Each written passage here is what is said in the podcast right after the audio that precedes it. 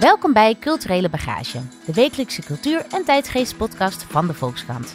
Mijn naam is Esma Linneman en het is precies 25 jaar geleden, dit jaar, dat HBO een gloednieuwe serie het universum inschoot. Een serie die de wereld op zijn kop zette. Sex and the City over vier single vrouwen in New York hield eerst Amerika en weldra de halve wereld in haar onbeschaamde greep. Want niet eerder praten vrouwen op televisie zo openlijk en zo grappig over relaties en vooral over seks. Is it okay to fuck one guy when you're pregnant with another guy's baby?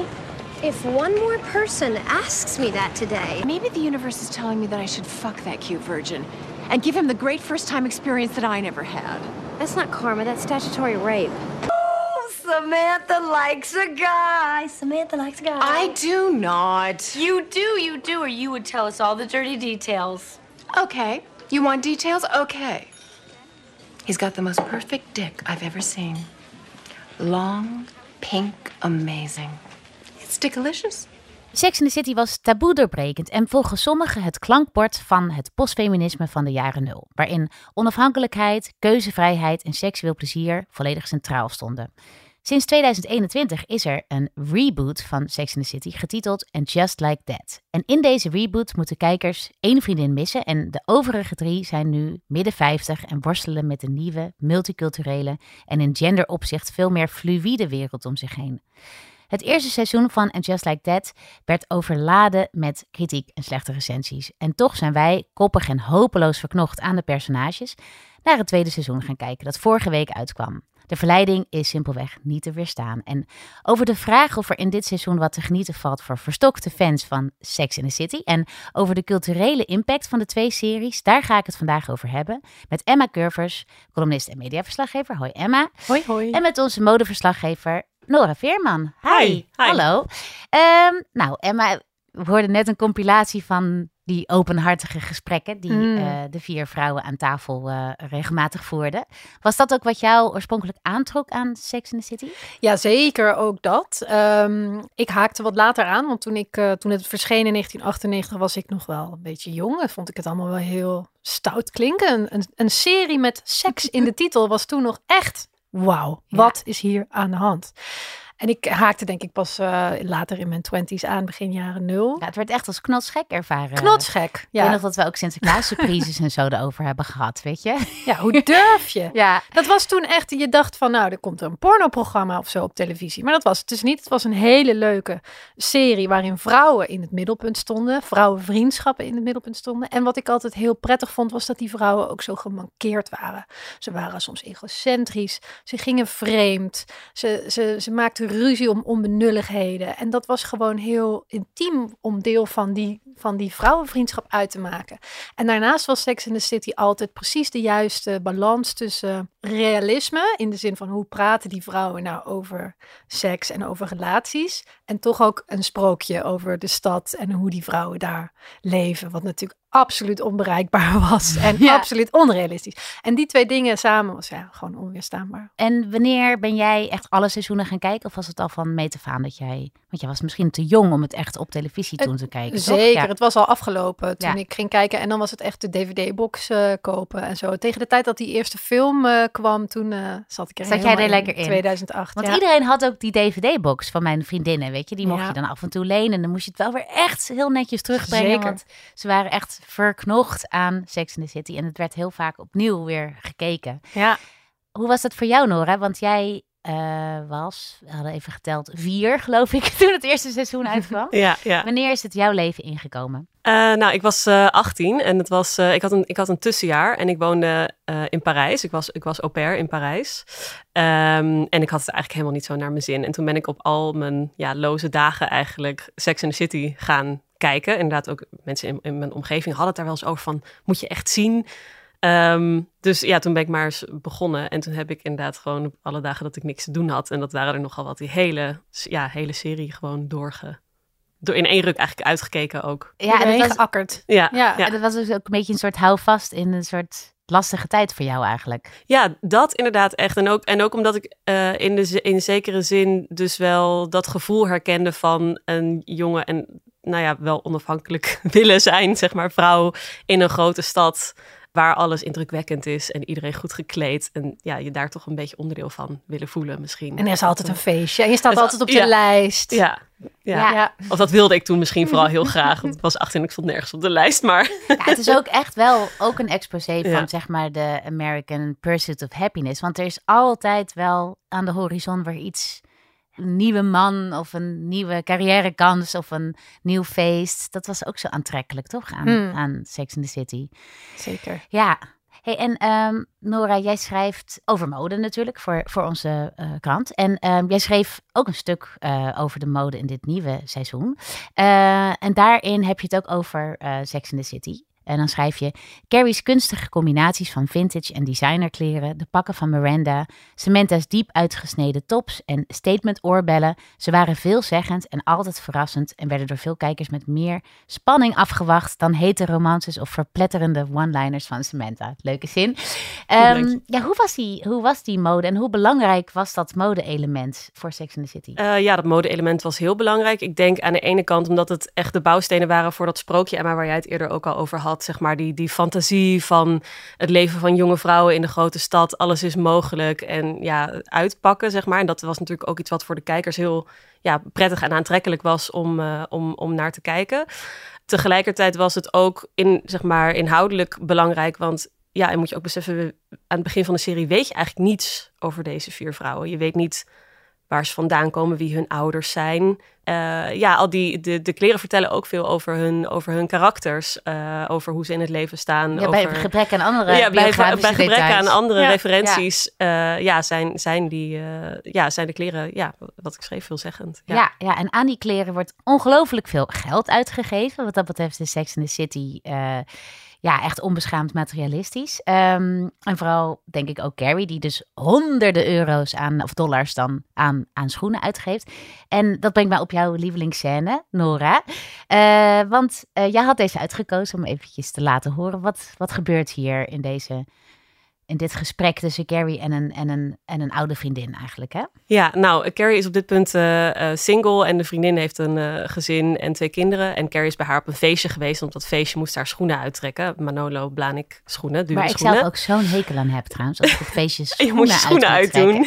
ja, ja ik, hou daar, ik hou daar ook niet van. Nee. Maar, ehm, en Maar haar feestje... is dus hele dure schoenen aan. Ja, en ze die moet ze hele- uittrekken. Ja, Ja, en, die, en die schoenen aan het einde van, de, van het feest komt ze terug bij de deur en zijn er schoenen gestolen. Ja, ja. Eh, en eigenlijk wil, wil Carrie daarvoor de organisator van het feest eh, ja, eh, verantwoordelijk stellen. En dat leidt tot dit pijnlijke gesprek. En dit, ja, dit, dit toch wel pijnlijk gesprek. So, um, how much were they? Uh, 485.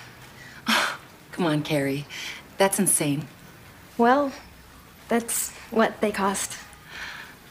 I'll give you $200. Okay, this is an awkward conversation. I'm sorry, I just think that's crazy to spend that much on shoes. You know how much Manolas are? You used to wear Manolas. Sure, before I had a real life. But Chuck and I have responsibilities now kids, houses. 485, like, wow. Hi, hey, hi, hey, hi, hi, hi. I have a real life.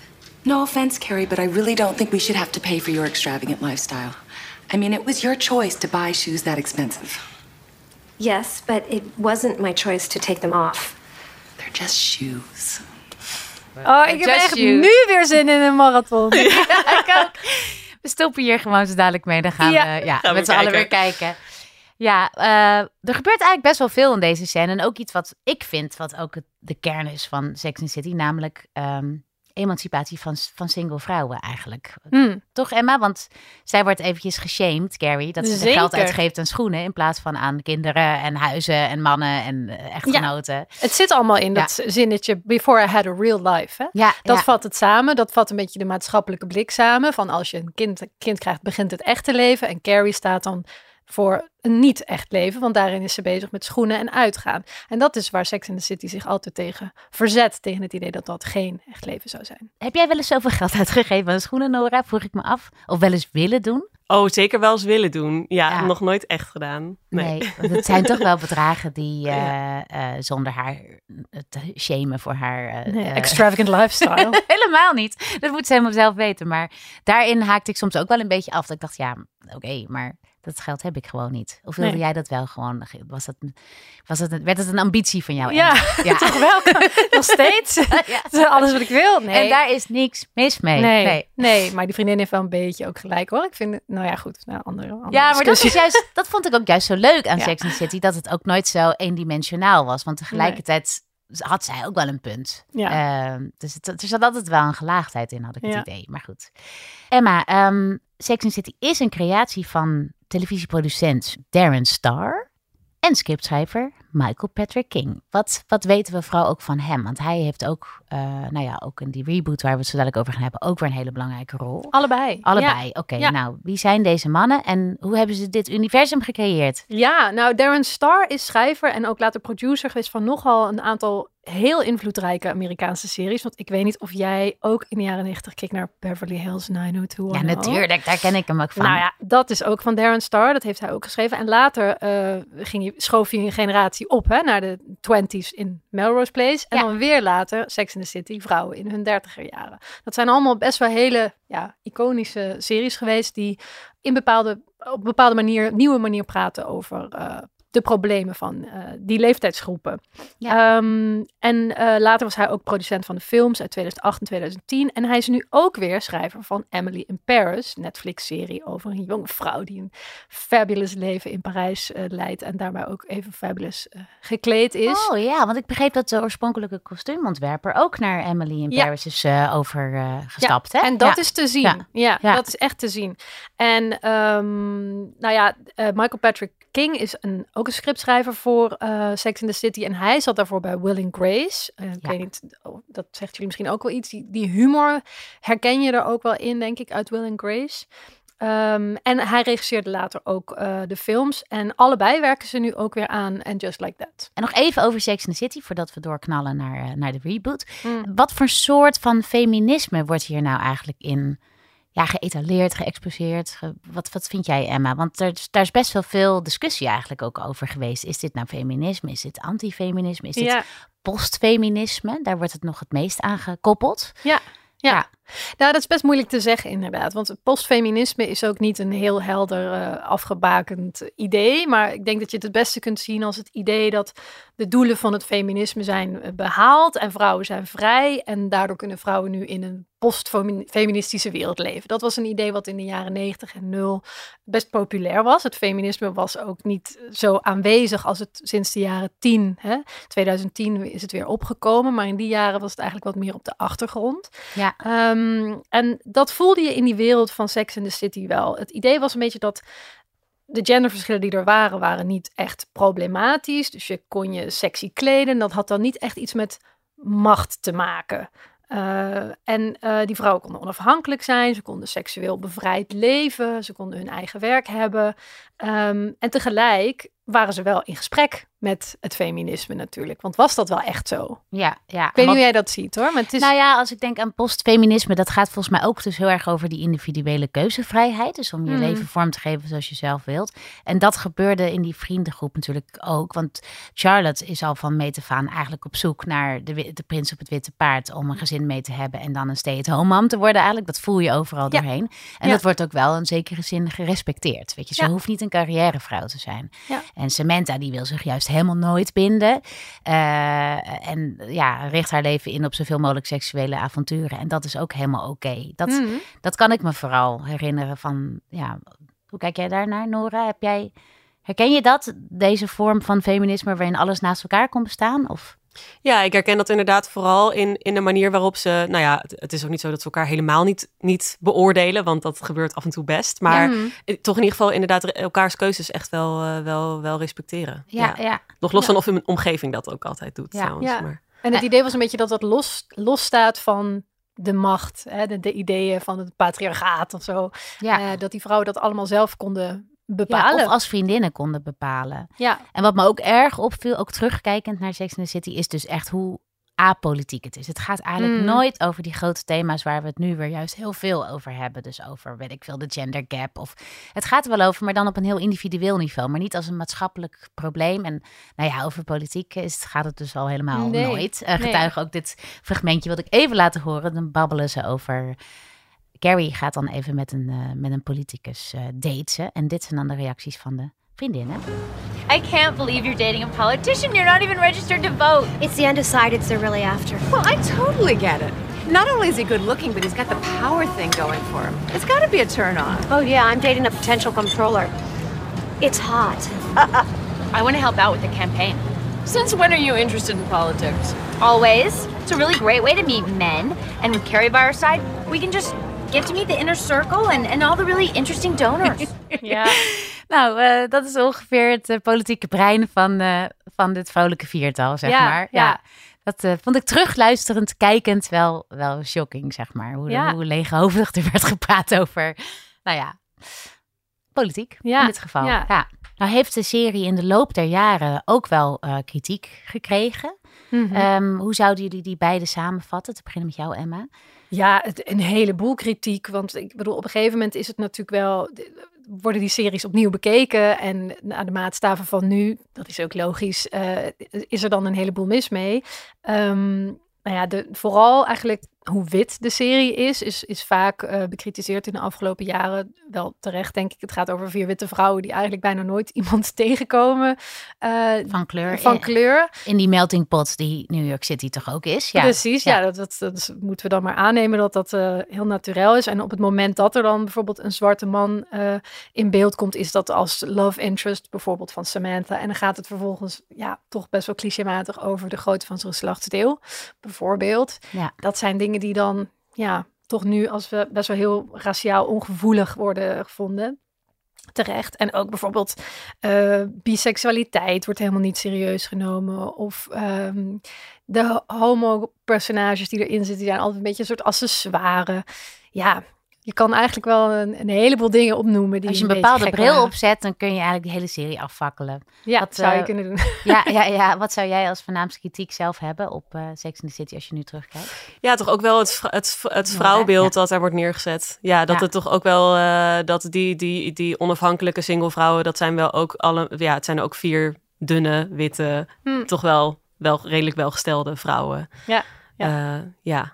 Ja, toch blijft die serie ook enorm enigmatisch en eh, hebben we er ook heel veel lof voor. Daar gaan we zo nog verder over praten, maar voor nu wilde ik eigenlijk eventjes de blik richten op het nu.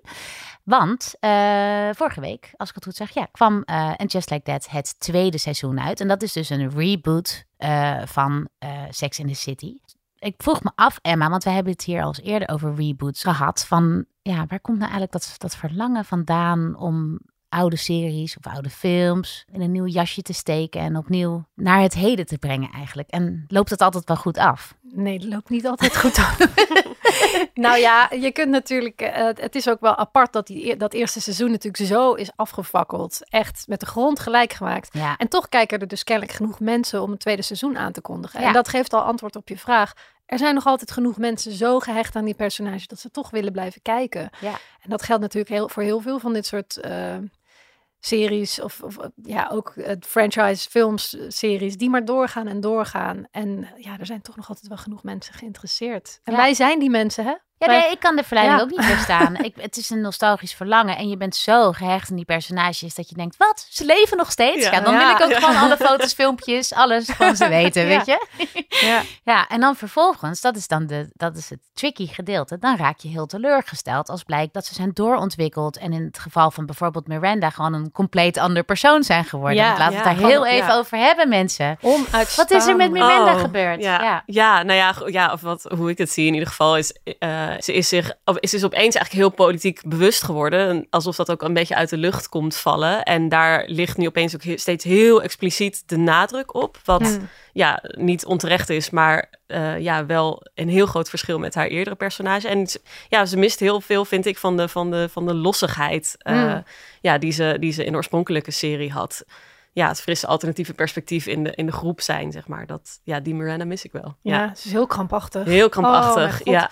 Dat hele eerste seizoen was alsof die vier vrouwen ineens gevangen zaten in een wereld waarin eh, je elke hoek kom je een non-binair persoon tegen. Overal is een microagressie en dat moet benoemd worden. En, en dan zijn er ook nog drie personages, nieuwe personages tegenover gezet die hen de hele tijd moeten uitleggen hoe het zit in die malle, woke wereld waarin we nu met z'n allen zijn beland. Ja.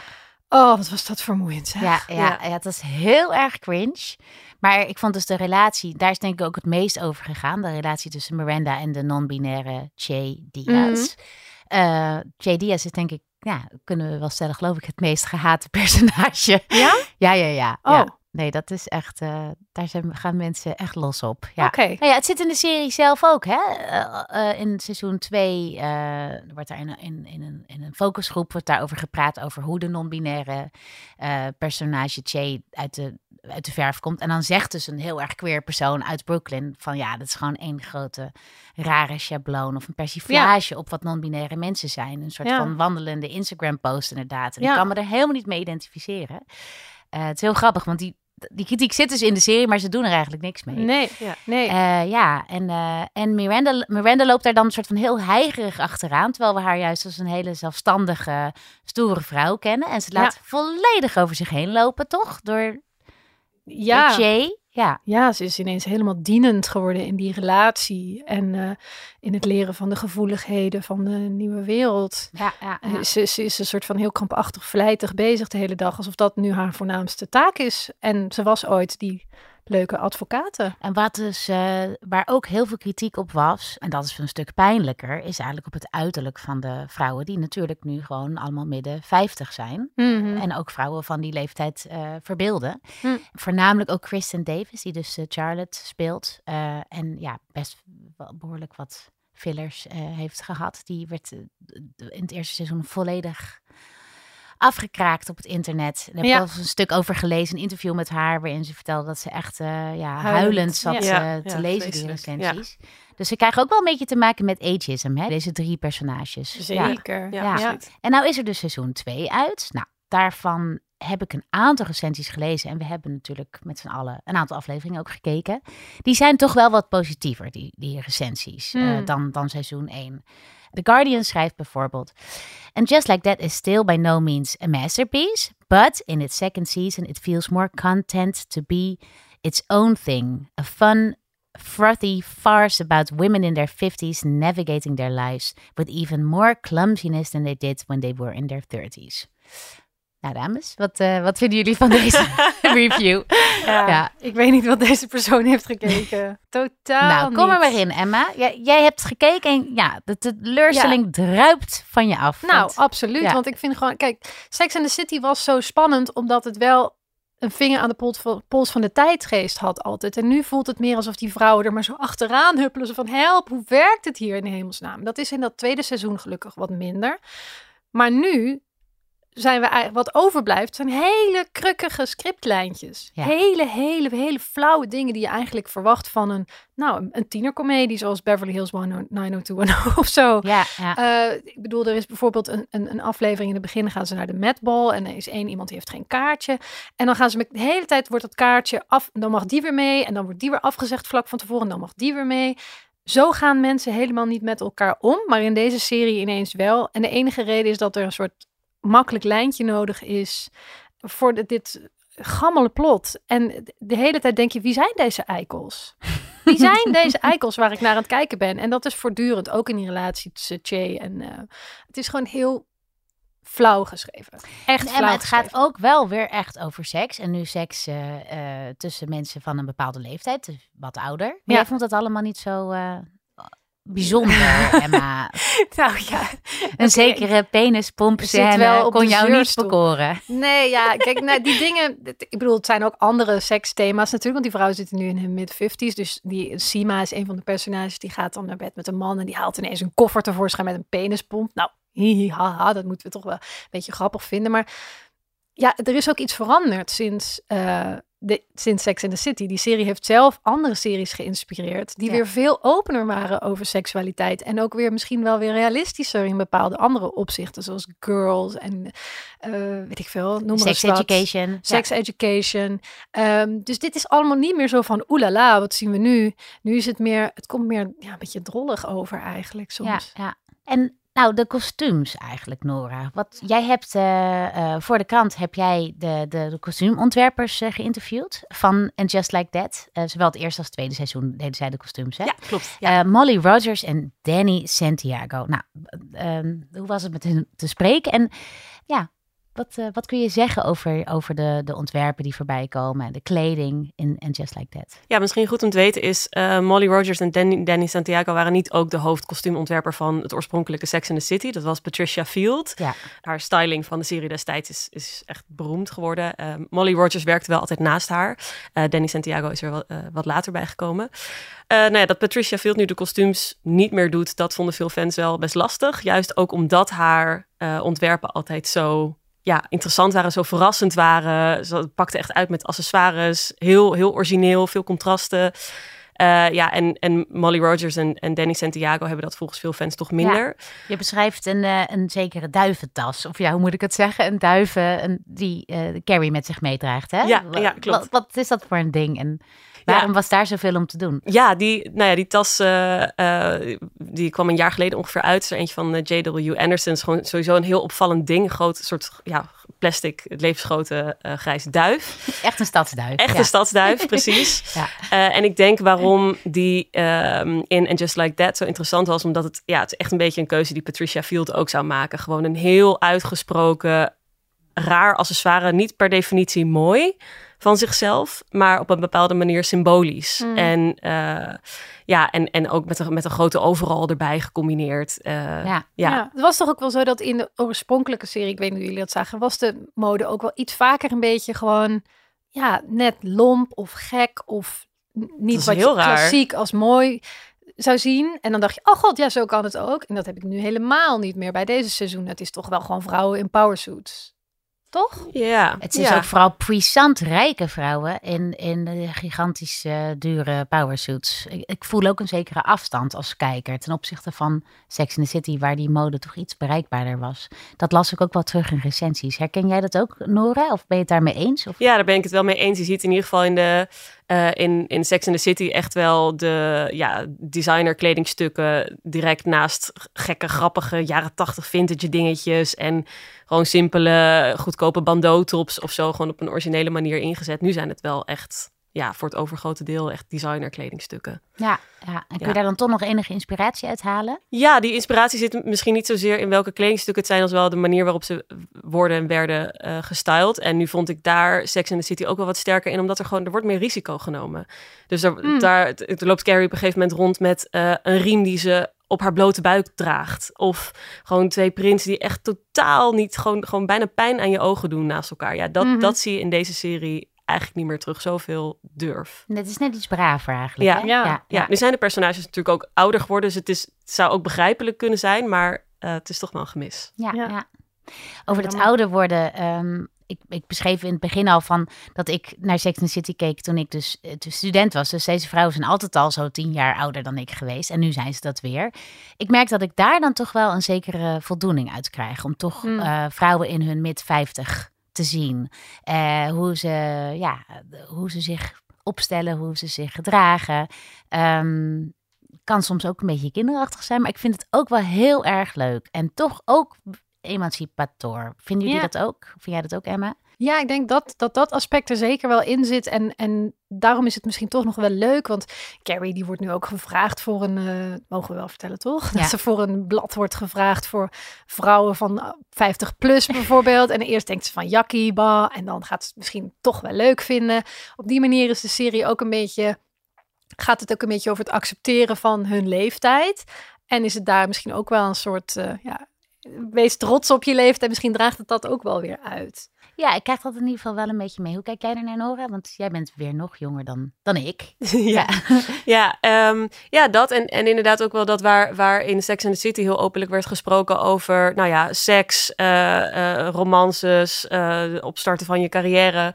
Eh, gaat het hier over andere dingen die ook met de leeftijd komen. eh, gewoon eh, ja, problemen waar je het een heupoperatie. de menopauze. Ja, en dat, dat, dat, dat vind ik wel. eh, ja, dat vind ik wel op een andere manier. ehm, ja, ja, ook wel emancipator. Ja, ook waardevol. Nou, gaat het allemaal zien? Ik heb er toch wel veel plezier aan gehad om, om al deze personages weer te zien. Maar ik denk van, wat ook eh, misschien wel een dwingende tip is, is om gewoon Sex and the City op rewind te zetten. Want dat kan, mensen. En hebben jullie dat ook gedaan? Want het is allemaal eh, ja, aanwezig Ja. eh, op Ja. de streamingsdienst. Zeker. Ja, Ja, ik heb hem wel helemaal inderdaad. Maar dat was eigenlijk niet per se om Just and Just Like That. Maar gewoon in het algemeen. Ik ben gewoon eh, een jaar geleden of zo gewoon helemaal opnieuw begonnen. oh ja. Ja. En hoe was dat? Ja, geweldig. Ja, maar ook, eh ja, was tien, tien jaar nadat ik het voor de laatste keer had gezien. Dus ik haalde er ook wel weer hele andere dingen uit dan, eh, dan, dan toen. En, maar dat vond ik toch ook heel leuk om te merken. Ik dacht, oké, tien jaar later nog een keer dezelfde serie kijken. En het is net alsof ik hem, ja, weer toch ook weer een beetje voor het eerst zie, zeg maar. Dat eh, Ja, heb jij nog eens teruggekeken, Emma, of niet? Ik denk dat ik het allemaal wel twee keer heb gezien eigenlijk. En ik zou zomaar nog een derde keer kunnen beginnen. Maar dan moet je echt wel... Dat is een goed moment daarvoor is als je ziek bent of zo, denk ik. Of heel verdrietig of zo. Dat je dan lekker teruggrijpt naar zoiets waar je heel veel nostalgische gevoelens bij hebt. Ja, ja, en mindere tijden, ja. Ja. En eh, over mindere tijden gesproken, ik... eh, En Just Like That en ook Sex and the City wordt heel erg geprezen om zijn frivoliteit en vrolijkheid en grappigheid. Eh, maar ik moet zelf zeggen dat ik dus de, zeker eh, nou ja, in de latere seizoenen van Sex and the City, als we eigenlijk echt de diepte ingaan eh, met deze vrouwen, dat, is, dat zijn de momenten die mij het Mm. meest bijblijven. En dan wil ik toch eventjes mijn lievelingsscène Ja. nog laten horen. Alhoewel daar ook nog een hele hoop frivoliteit in zit. Dat is wanneer Carrie en Samantha in de taxi zitten en Samantha slecht nieuws te vertellen heeft. En dat doet ze helemaal op haar eigen manier. Mhm. So, I uh, had my breast consultation with a plastic surgeon. Please tell me you've changed your mind. Well, not exactly. He found a lump, and I had it biopsied, and it turns out I have cancer. You. What? When? Well, I had it biopsied on Wednesday, and I found out yesterday. I'm going to give you all the information, and I don't want you to get upset or start worrying. And the only reason I'm telling you now and not later is I didn't want to accidentally blurt out I have cancer in the middle of Miranda's wedding. Ja, ja. ja, ik vind het zo mooi omdat het zo typisch Samantha is die altijd in control wil Mm. blijven. En eh, niet veel later, geloof ik één aflevering later, houdt ze dit helemaal niet meer vol en moet ze toegeven aan haar vriendinnen van cancer turns out not so hilarious after all, weet je nog? En daarna gaan we, haar, gaan we helemaal met haar mee i- in dat proces en zien we haar super kwetsbaar. Ja. Nou ja, ja, dat is het terugkijken zo waard. Ja, Vind zeker. ik. Dat was Ja. erg mooi. Ja. Ja, ja. Dus de keuze is eigenlijk eh, aan de luisteraar. Of je gaat eh en Just Like That seizoenen bingen. Dat is toch leuker eh, dan, dan je misschien zou denken van tevoren. Of je doet jezelf het gigantische plezier om Sex in the City gewoon integraal terug te kijken. En film. En de films. En nou, de eerste de Film twee... één. Film 1. Film één. Nee, niet. Sla die over. Ja, Oké, Eh, dank jullie wel voor jullie komst naar de studio. met plezier. Dit was Culturele Bagage. Montage en redactie worden gedaan door Team Hageman en eindredactie door Corine van Duin. En wil je de Volkskrant nou steunen? Ga dan voor een abonnement naar www.volkskrant.nl slash podcastactie.